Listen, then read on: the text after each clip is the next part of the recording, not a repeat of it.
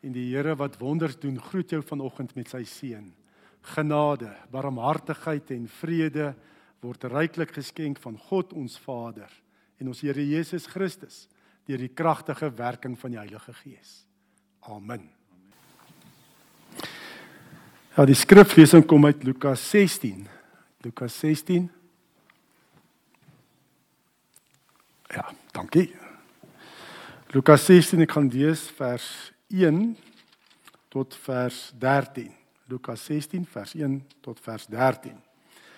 En die opskrif in die Bybel is die gelykenis van die oneerlike bestuurder. Nou Jesus het sy disippels ook gesê: 'n Ryk man het 'n bestuurder in diens gehad en die is by hom aangekla omdat hy sy geld verkoos het. Hy ontbied hom toe en sê vir hom: "Wat is dit wat ek jou hoor? Wat het wat ek van jou hoor?" Gee verslag van jou bestuur van sake want jy kan nie langer bestuurder wees nie. Die bestuurder dink toe by homself: Wat moet ek nou doen? Want my werkgewer neem die bestuurderskap van my af weg. Vir hande arbeid sien ek nie kans nie en om te bedel skaam ek my. Maar wag. Nou weet ek wat ek sal doen sodat mense sal weet wat my in hulle huise sal ontvang as ek uit die bestuurderskap ontslaan is. Toe roep hy die skuldenaars van sy werkgewer een vir een en vra vir die eerste: "Hoeveel skuld jy my werkgewer?" En hy antwoord: "100 vate olyfolie." Toe sê hy vir hom: "Vat jou skuldbewys, gaan sit en skryf gou 50." Daarna vra hy vir 'n ander een: "En jy, hoeveel skuld jy?" En hy antwoord: "100 sak koring." Hy sê vir hom: "Vat jou skuldbewys en skryf 80." Die werkgewer het die oneerlike bestuurder geprys vir die slim ding wat hy gedoen het. Die mense van hierdie wêreld tree onder mekaar slimmer op as die mense van die lig. En ek sê vir julle, gebruik die oneerlike mammon om vir julle vriende te maak, sodat wanneer jy geld nie meer kan help nie, hulle julle in die ewige wonings sal ontvang. Wie in die kleinste dinge betroubaar is, is ook in die groot dinge betroubaar. En wie in die kleinste dinge oneerlik is, is ook in die groot dinge oneerlik. As jy dan nie betroubaar is in die hantering van die oneerlike mammon nie, wie sal die ware rykdom aan julle toevertrou? As jy met 'n ander man se goed nie betroubaar is nie, wie sal dan iets aan julle gee om as julle eie te besit? Geen huisbediende kan vir twee baase te gelyk werk nie, want hy sal of die een minder ag en die ander een hoër of vir die een meer oor hê vir die ander een afskeep. Julle kan nie God en Mammon dien nie. Ek gaan veral fokus op vers 8 en 9. Uh die werkgewer die oneerlike bestuurder geprys vir die slim ding wat hy gedoen het. Die mense van hierdie wêreld tree onder mekaar slimmer op as die mense van die lig. En dan um, en ek sê vir julle gebruik die oneerlike mammon om vir julle vriende te maak, sodat wanneer die geld nie meer kan help nie, hulle julle in die ewige wonings sal ontvang. Ja, hierdie gelykenis is nogal 'n kontroversiële gelykenis in die Bybel. En uh ehm um, skrifverklaardes verskil nogal van mekaar hoe om hierdie gelykenis te verstaan. Want as mens nou eintlik hierdie gelykenis lees, dan is die hero is 'n kroek, nê? Nee? Hy's 'n hy hy's hy's oneerlik, hy's hy's 'n skelm. Nee, hy's die hero. En Jesus hou hom as 'n voorbeeld voor aan sy disippels. En ehm um, daarom sou ook mense wat 'n uh, krities is teenoor die uh, krit, krities is teenoor die Christendom gebruik ook veral hierdie gelykenis en sê ja Jesus kyk hierso oor wat wat sê Jesus hierso hom kan oneerlik wees en dit is ook oké. Okay. Maar dan verstaan mens nie mooi die doel van 'n gelykenis nie want 'n gelykenis se doel is om 'n alledaagse voorbeeld Jesus vat 'n alledaagse voorbeeld om 'n dieper geestelike waarheid te verduidelik. En ek dink die alledaagse voorbeelde in die lewe is daar meer oneerlikheid as wat daar eerlike voorbeelde is, nê? Nee? En dis wat Jesus ook gebruik, nê? Nee? Hy gebruik nie net heilige goeie mense as 'n voorbeeld nie, maar selfs onder sy disippels, nê, nee, was ook nie so heilige en voorbeeldige mense gewees nie. Hy het mense as disippels geroep uit alle vlakke van die samelewing nê nee, Matteus was 'n tollenaar, die ander een was 'n seloot geweest, nê, nee, was 'n freedom fighter geweest. En sulke dinge. Dis die mense wat hy gebruik het. En wat sal hulle verstaan? Hierdie alledaagse voorbeelde waar ook sonde nê nee, en mense nie reg optree nie. Om dan 'n dieper koninkrykswaarheid oor te dra en te verduidelik. So gebruik Jesus ook in ehm um, byvoorbeeld oor die goddelose regter wat hard is en 'n weduwee wat aanhou kla by hom, nê? Gebruik hy as 'n voorbeeld. In 1 Tessalonisense 5 vers 2 staan daar dat ehm um, die dag van die Here kom soos 'n dief in die nag. Word nie daarmee bedoel dat ehm um, die dag van die Here is dieselfde motief as 'n dief in die nag nie. Nee, dit wys op die onverwagsheid, nê, nee, die onverwagsheid wanneer God weer gaan terugkeer. Die dag van die Here kom. Nie die motief van 'n dief nie. En dis hoe ons dit maar moet verstaan. En as Jesus dan nou hier die voorbeeld gebruik van 'n oneerlike bestuurder, sê hy nie ons moet oneerlik wees nie. Maar daar's tog dinge wat ons kan leer in die wêreld, nê. Tog daar's wêreldse wysheid en toegewydheid. Wat ons sien in die wêreld, mense van die wêreld waarvan ons kan leer. Net daai daai wysheid en daai toegewydheid.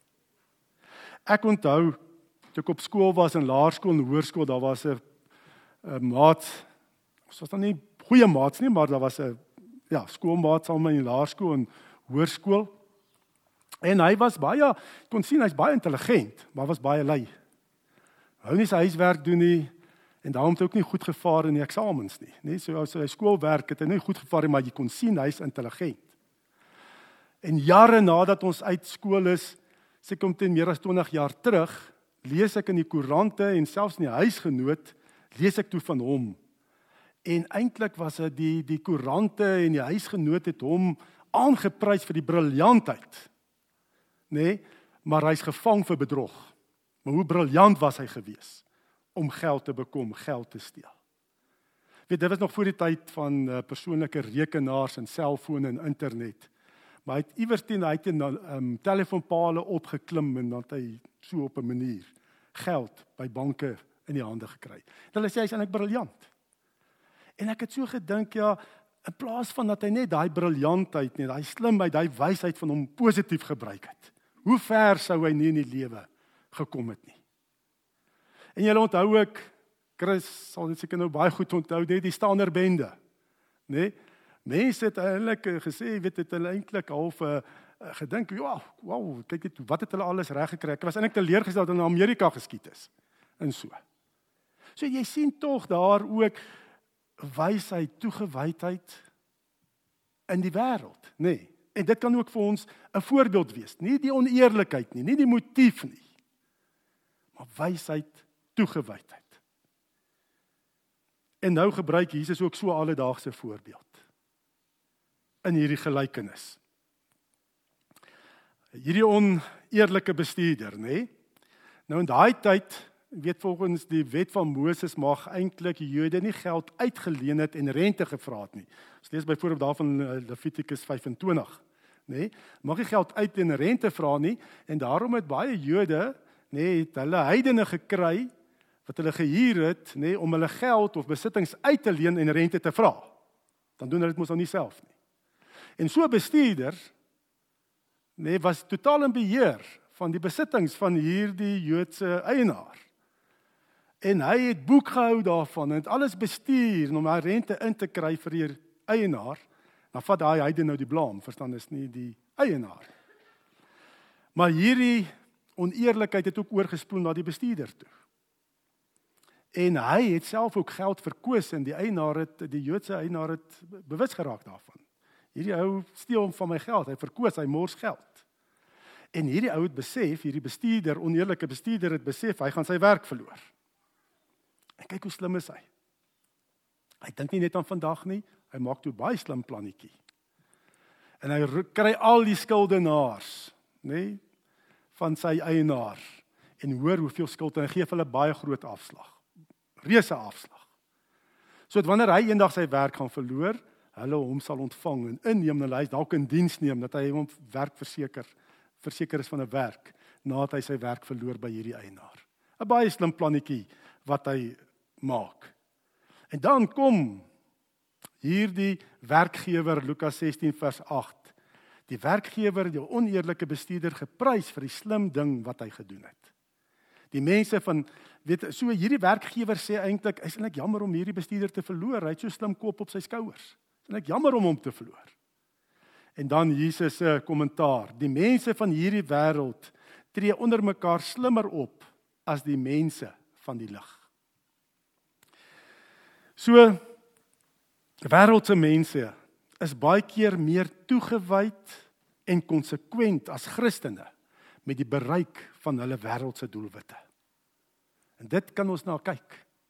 Nee, hoe toegewyd en konsekwent hulle is. En ek wil eers nou kyk na die negatiewe voorbeeld, nê, nee, ehm um, wat ons sien uit hierdie oneerlike bestuurder.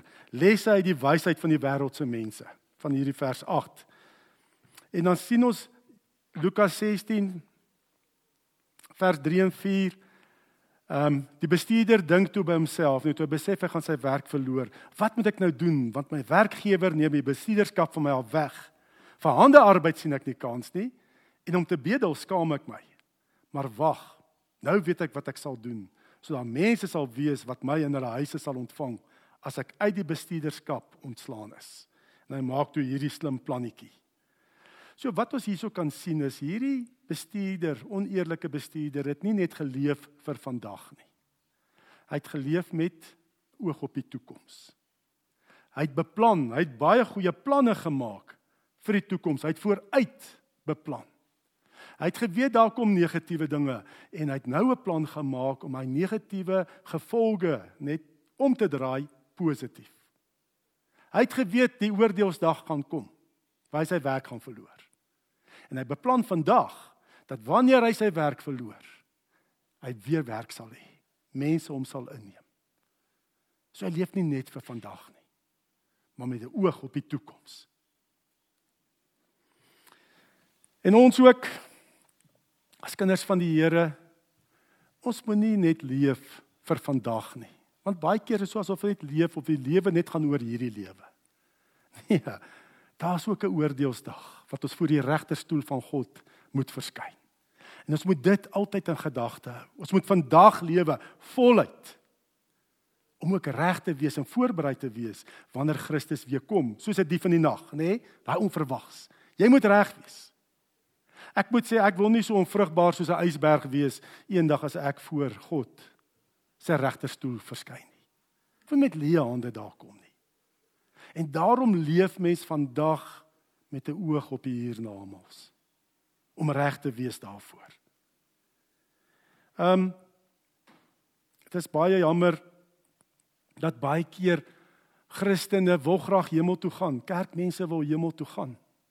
Maar hulle wil nie veel hoor wat dit beteken om vandag Jesus te volg nie. Wat dit beteken om jou geloof uit te leef nie. Nee, ek wil net gered wees aan verder my eie ding doen in hierdie lewe. En dit is net nie jy jy gaan net nie voluit kan lewe nie. Die hartseer 'n eh, ding van so 'n halwe Christen, lou Christen is nê. Jy is eintlik in aanhalingstekens te goed nê om die sonde van hierdie wêreld voluit te geniet. En jy is ook in aanhalingstekens weer nie goed genoeg om die Christelike lewe voluit te ervaar in hierdie lewe nie. Onthou ons moet vooruitdink. Leef vandag dat as Jesus vandag kom, jy gereed sal wees. Beplan, wees wys. Die prediker skrywer sê ook: Jy wat jonk is, moet jou vreugde vind in jou jeug en jou jong dae ten volle geniet. Doen wat jy goed vind en waarvan jy hou, maar moenie vergeet dat God van jou rekenskap sal eis oor alles nie. So lewe vandag voluit. Ons kan vandag geniet, nê? Nee? Ons het 'n hemelse Vader wat vir my sal sorg. My lewe is in sy hande. Daar's soveel vreugde. Ek het die ewige lewe wat ek nou al ontvang as kind van die Here. Lewe voluit. Maar weet nê, nee, God vra van my rekenskap. Hy gee vir my hierdie lewe. Leef met die oog op 'n ewige toekoms, die hiernamaals. Wees reg daarvoor. En dan sien ons ook nog 'n positiewe punt wat ons sien uit hierdie oneerlike bestuurder sy vasberadenheid, nê? Nee, hy was vasberade, hy was toegewyd gewees. Hy het gesê dis my probleem.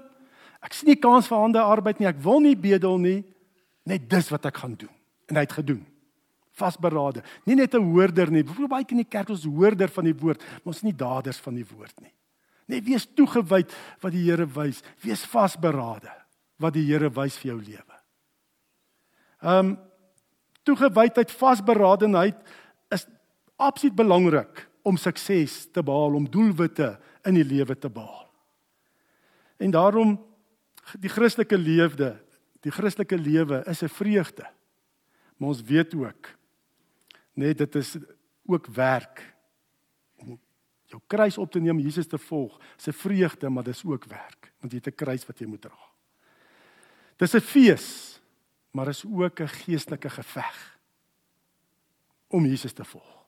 Dis 'n feesmaal, maar is ook 'n oorlog.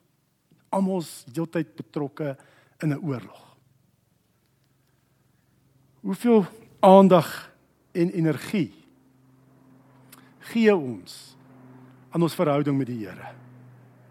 As ek hierdie vergelyking kan gebruik en ek weet ons moenie 'n skeiding tussen natuur en genade maak nie. Nee, jy kan ook as 'n op die golfbaan die Here loof en prys, maar kom vat nou maar hierdie vergelyking. As jy byvoorbeeld um 6 ure per week op die golfbaan nee spandeer en ek verwys nie na iemand spesifiek nie, nê. Maar as jy 6 ure op die golfbaan spandeer en net 1 uur spandeer in jou verhouding met die Here gaan jy verseker 'n beter golfer as 'n Christen wees. Dit is maar net so, nê. Waar spandeer jy jou tyd en energie? Waar fokus jy? Ja, so gesê 'n halfhartige Christen is eintlik elendig. Te goed om die sonde te geniet van die wêreld en weer nie goed genoeg om werklik die volheid van die Christelike lewe, 'n verhouding met die Here te geniet nie. Ja, kom ons kyk na ons ongelowige vriende, kollegas. Kyk hoe toegewyd is hulle aan hulle afgode wat hulle volg in hierdie lewe. Jy weet as as 'n vriend vir jou sê, "Jo, ek is verslaaf aan aan aan aan sport byvoorbeeld, nê?" Nee, dan gaan hy nie net 1 ure naweek rugby kyk en dis al op so klein televisie nie. As hy sê hy's verslaaf aan sport, nê, wat wat doen so 'n wêreldse mens? Hy koop 'n groot skerm, nê, die reuse skerm met goeie klank, nê. Hy hy rig vir my kamer in, kry vir my braaier wat hier naby die televisieskerm is, hy kan braai en rugby kan kyk byvoorbeeld, nê. Hy kry vir my yskas wat naby is, alles hy rig in. Nee, kyk na daai voorbeeld. As ons sê ons kinders van die Here, rig jou lewe in om Christus te volg, om die Here te hoor, absoluut voluit vir hom te lewe. Daar's baie voorbeelde die toegewydheid wat baie keer so kort by kinders van die Here. En dit is dan dan die voorbeelde wat ons so kan sien uit hierdie onregverdige uh, bestuurder, maar daar's ook wat Jesus sê in vers 9, nee, gebruik dan ook geld tot die vermensliking van die lewe. Ek sê dit nou verduidelik, nê. Lukas 16 vers 9 staan daar, ek sê vir julle, gebruik die oneerlike mammon om vir julle vriende te maak, sodat wanneer die geld nie meer kan help nie, hulle julle in die ewige wonings sal ontvang. Nee, gebruik geld om dinge te vermenslik. Mammon As ons praat van mammon, dis nie 'n sinoniem vir geld nie. Mammon is eintlik 'n afgod. Dis 'n gees agter geld en besittings. Dit's wat mammon is. Dis 'n gees wat wil beheer. Weet geld besittings is neutraal. Maar maklik deur geld en besittings kan daar 'n gees van mammon oor 'n mens kom. Nee, waar jy wil beheer en hy dryf jou weg van die Here af. Ehm um, Mammon is aardse besittings en geld as 'n maghebber wat die mens van God vervreem en tot 'n slaaf maak. En hoekom sê Jesus die oneerlike Mammon?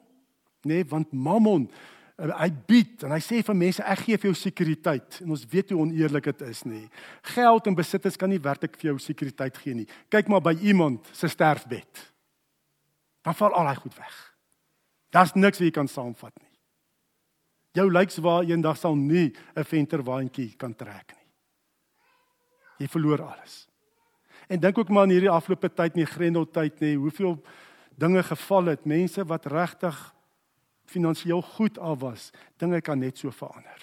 Net so van dan verloor jy. Dis 'n valse sekuriteit wat mense soek in die oneerlike mammon. Hy's oneerlik. Hy wys nie regtig wie hy is nie. Hy wys nie sy regte prent nie. En ehm um, Paulus gee vir ons 'n beskrywing van hierdie demoniese gees wat aanbidding en invloed en beheer uitoefen in 1 Timoteus 6 vers 10. Geldgierigheid. Nee, in die Grieks, daai Griekse woord beteken letterlik liefde vir geld. Is 'n wortel van allerlei kwaad. Party het geld nagejag en toe van die geloof afgedwaal. Daardeur het hulle self baie ellende op die hals gehaal. Is hy liefde vir geld? Dat jy as jy vir jou vra, hoeveel is genoeg? Nee, net nog meer. Net nog meer. Jy soek net meer en meer en meer. Daai liefde. En dit dit vat 'n verskriklike beheer wat dit oor jou lewe kan uitoefen. Liefde vir geld om net meer en meer te maak en al jou tyd en aandag gaan daarin. Liefde vir geld. En dan wil ek vir jou vra, dink jy geld het jou terug lief? As daar so iets oor jou is. Ek sê nie daar is nie. Maar liefde vir geld. Dink jy mammon het jou terug lief? Dan wil ek vir jou sê nee. Geld, besittings, mammon het jou nie terug lief nie. Nee. Geld en besittings as hulle beheer kry oor jou. Nee, sal hulle absoluut jou verhoudings in jou lewe sal hulle vernietig. Jou verhouding met God sal vernietig word deur 'n liefde vir geld. Dis nie verkeerd om geld te hê nie. Dis nie vergeet om baie besittings en goed te hê nie. Dis nie waaroor dit gaan nie, nê? Nee? Abraham was seker die eerste biljoenêr in die Bybel maar dit nie vir oor dit gegaan oor sy besittings nie. Maar sy liefde vir geld. En as jy liefde vir geld het, sal jou verhouding met die Here net sal skade ly. En jou verhouding met ander mense om jou sal skade ly, sal gebreek word. Jy sal alleen tyd hê vir ander mense en vir God as jy kan gebruik om meer geld te maak. Dan sal jy tyd en aandag gee aan ander mense en aan die Here. Baie keer wil ons sommer die reg gees van Mammon God gebruik om vir my geld te maak, te voorsien. Ehm um, Ja. Daai liefde vir geld. Geld het jy nie teruglief nie, maar ek weet en dis 'n sterk baas, Mammon. En wat jy nie teruglief het, het jou lewe wil vernietig. Maar as 'n ander baas wat ek ken, wat ons liefhet en wat ons bron is. Wie is daai baas? Dis God in Jesus Christus. Hy het jou lief. Dien hom, nie Mammon nie. Jesus sê vir Nikodemus, God het die wêreld so lief gehad dat hy sy enigste seun gegee het sodat die wat in hom glo nie verlore sal gaan nie, maar die ewige lewe sal hê. Nee, God het ons werklik lief. Dis die enigste God wat ons liefhet. Al die ander dinge wat aanbid word, nê, nee, afgode, het jou nie lief nie. Hulle jou vernietig in die hande van Satan. Maar God het ons lief in Christus. Dis waaroor dit gaan.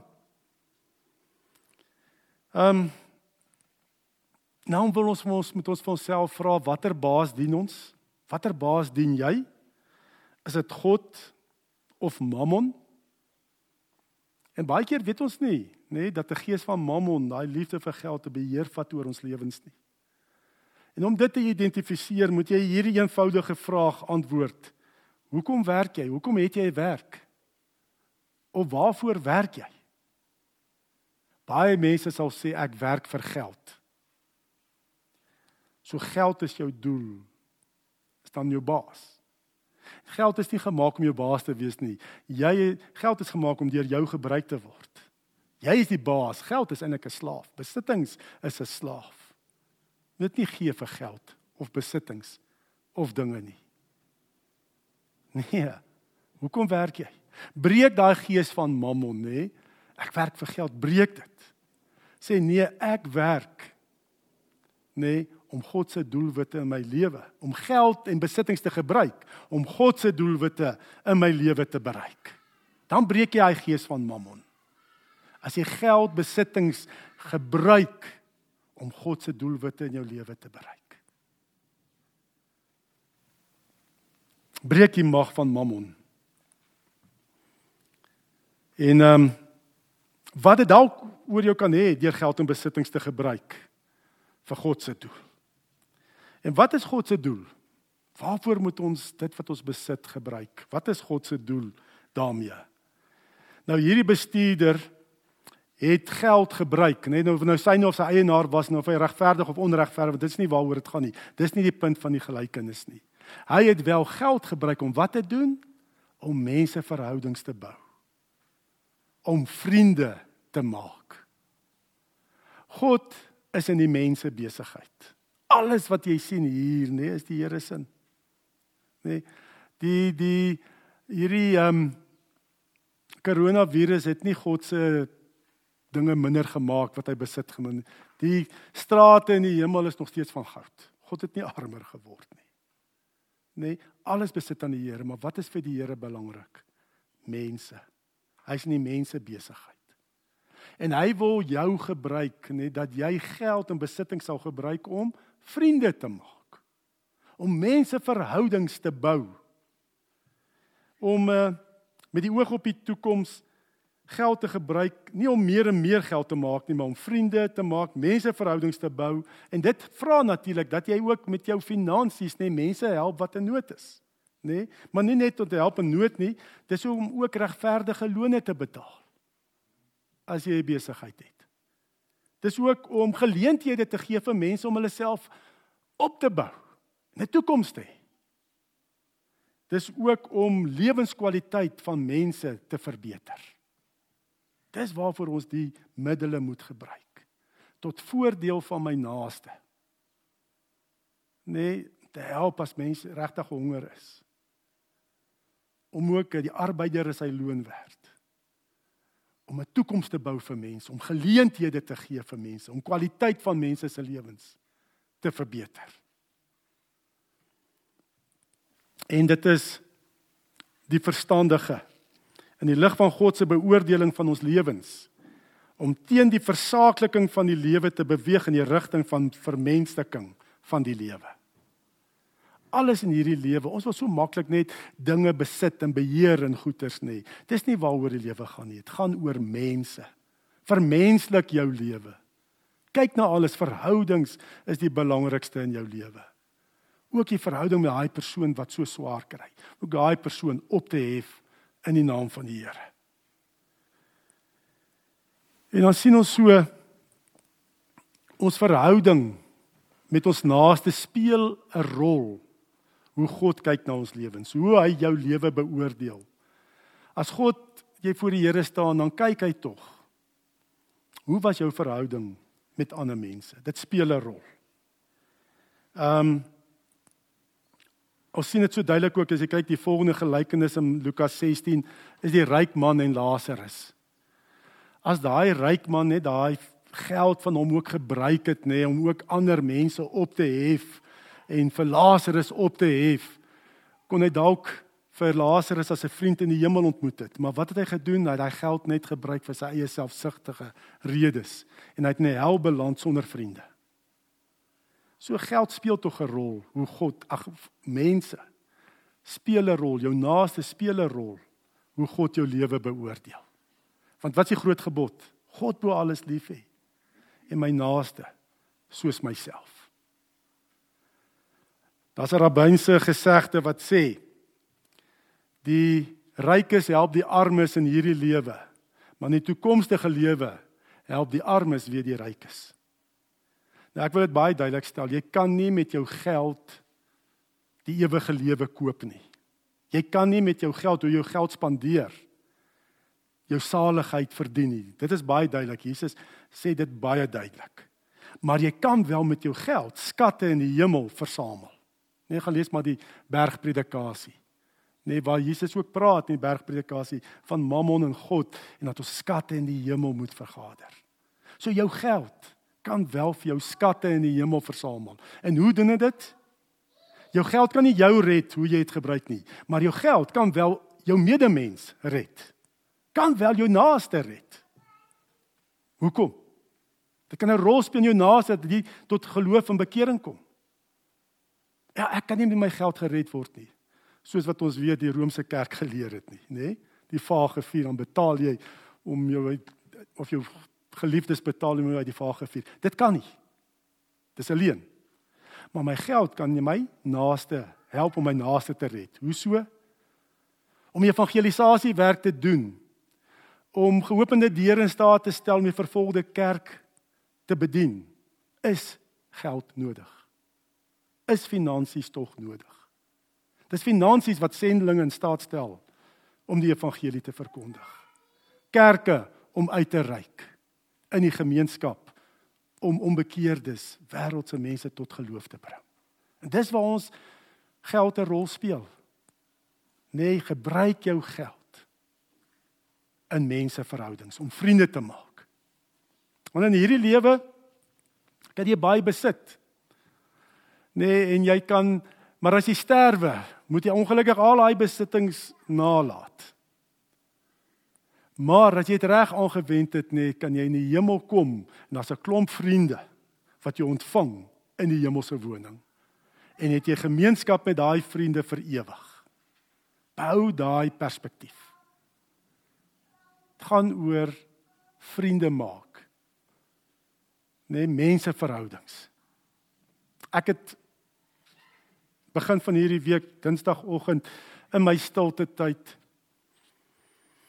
is veral daai ehm um, die die ehm um, ag wat wat nou vergeet ek die benaming daarvan maar maar waar Jesus praat van weet jy ek was honger en dors in die tronk en ehm um, en uh, julle het my ontvang en jy my gehelp en so net was my stilte tyd gewees. En dan vra die mense maar Here, wanneer het ons u gesien honger en dors in tronk? Sê solank jy dit aan die geringstes doen, net jy het aan my gedoen. En dit was my stilte tyd en ek was regtig deur die Heilige Gees gelei en dat ek net voor die Here net skuldbeleidings gedoen het. Want hoe baie keer ry ek en ek weet mense kan nie geld gee vir almal wat bedel nie nê? Jy gaan nie ook nie geld hê vir die karwagte nie op die einde nie. Ehm um, maar weet almal maar wat doen ons? sien die mense net raak. As jy ou so verby jou kar stap wat doen ons? Draai gewoonlik ons gesigte weg. sien die persoon raak. Ag die persoon dan ten minste. As jy nie gelei word deur die Heilige Gees om iets te gee nie en ek is regtig gesê voor die Here bely, Here, ek sien baie keer nie die mens raak nie. En daar's nog geen mens wat jy in die oë gekyk het wat God nie liefhet nie. Ek besef toe ek moet verander. Ek moet die mense raak sien.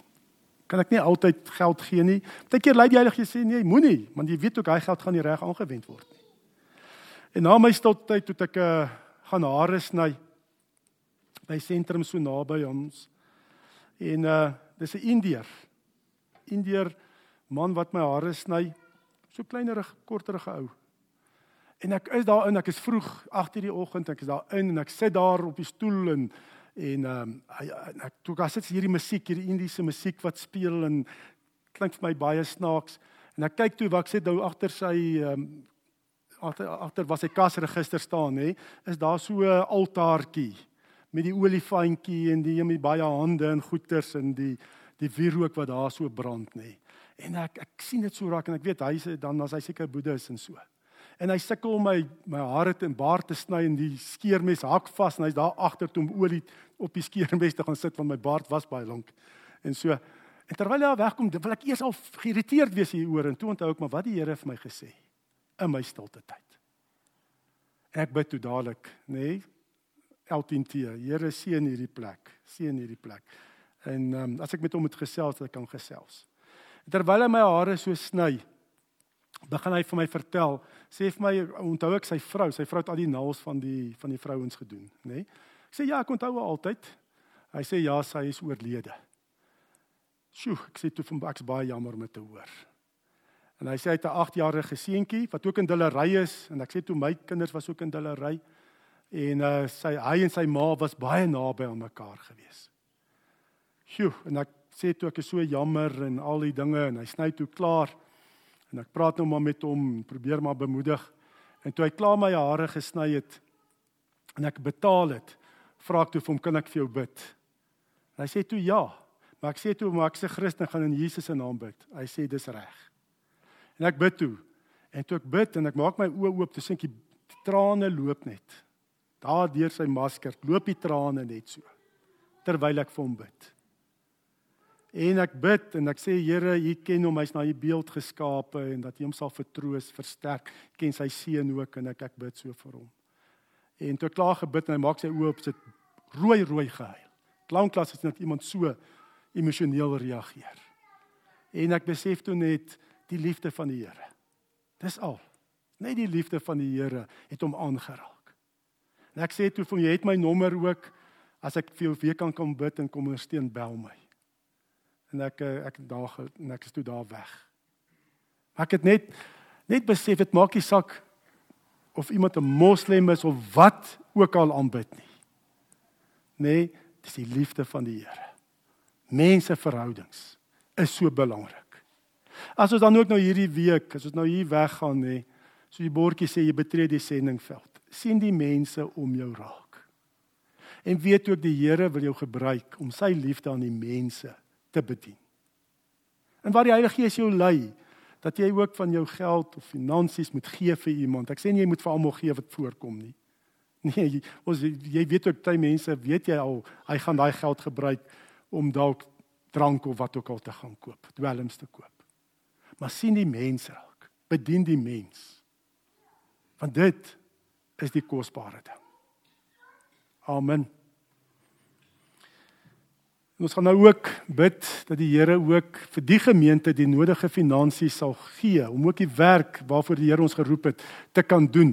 En ek wil solankie uh, Jacques, ons is gewoonlik 'n ouderling wat bid vir finansies solank vorentoe kom, bid daarvoor. Ek kan maar net noem ook ehm um, ons het 'n vergadering gehad uh Woensdag, Woensdagmiddag uh met die Baptiste Kerk. Ehm um, en die pastoor is so opgewonde dat ons al die kursusse wat ons hier aanbied en by Linden ook by hulle moet aanbied. Dit gaan nou net in Engels wees natuurlik. Ehm um, baie voorbereiding daarvoor nodig. Ehm um, maar hulle hulle wil dit ook hê. Die bediening word net daar's net meer en meer behoeftes. Die nood is groot. En dat ons dan ook hier in Johannesburg elke kwartaal bied ons die oorwinnaars en Heilige Gees kursus een keer 'n kwartaal of hier op by Linden aan maar dit dan afwissel dat ons daar by die Baptiste Kerk dan ook die victory en uh gifts of the spirit sal aan aanwend aanbied daar en dat die Here ook sal voorsien en ook die tyd sal gee daarvoor. En Jacques dan wil ek ook net bid dat jy net bid vir die finansies wat ingeneem word. Dankie. Besluit hoe? Ja Here, dankie vir die wonderlike boodskap oor dat ons kan onderskei tussen wat reg is en wat verkeerd is, Here. Help dat ons ook die regte basel aanbid en dis U alleen, Here. Ek, ek sê vir dankie vir elke sent wat ver oggend ingevorder is, Here. Dankie vir elke bydrae wat gelewer is. Ons bid en vra dat dit gebruik sal word tot eer en verheerliking van U naam en tot die uitbreiding van U koninkryk, Here. Ons dank ook aan die minderbevoorregte mense en vra dat U met hulle sal wees. En ons bly bid vir die vir die finansies van die gemeente van die gemeente, Here. Ons bly glo, ons bly hoop en ons bly vertrou op U en dit dat U alleen ons vir ons sal voorsien. Ons dank ook vir die gemeente en vra dat jy op, op elkeen se hart se sal sal druk wat wat hulle moet bydra. En dan wat ons ook kan onderskei as ons al buite is vir wie ons moet kan gee en nie kan gee nie. Ons weet is nie altyd moontlik nie maar gee ons ook daardie onderskeiding vermoë om mense te kan help as as hulle oor ons pad kom Here. Ons dankie vir alles in Jesus naam. Amen.